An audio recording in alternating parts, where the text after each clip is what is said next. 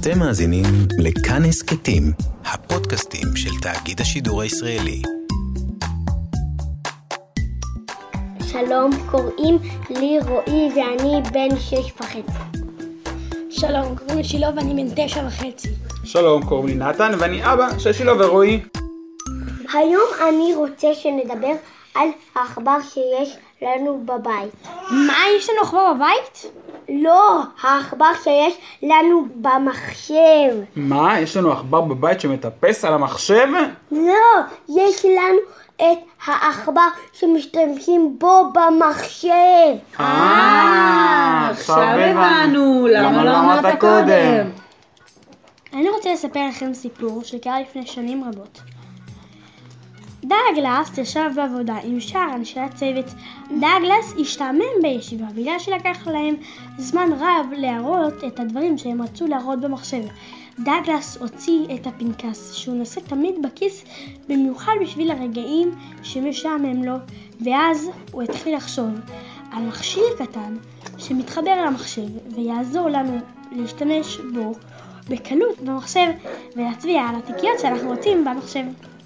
ואז התחיל דגלס לתכנן מכשיר קטן שנראה כמו, נו, אתם כבר יודעים, כמו עכבר, ובו כפתור קטן בו לוחצים כשרוצים להיכנס לתיקייה במחשב בדיוק כמו מקש האינטר במקלדת. וככה בריכוז וביסודיות הוא תכנן ובנה את העכבר.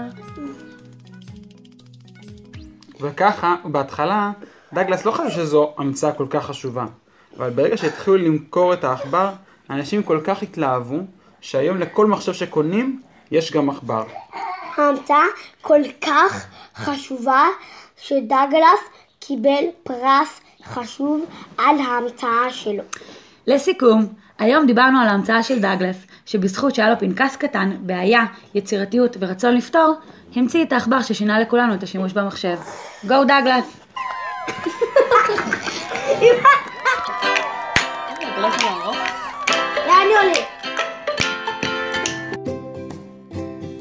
האזנתם לילדי כאן הסכתים. אם גם אתם בבית עם הילדים ורוצים להקליט איתם הסכתים, תקשיבו לפרק המקדים, איך יוצרים הסכת, שבו אנחנו נותנים טיפים להקלטה, ושילחו לנו למייל הסכתkids at gmail.com h-e-s-k-e-t-k-i-d-s at gmail.com אנחנו לא מתחייבים שנערוך הכל, אבל נשמח להקשיב.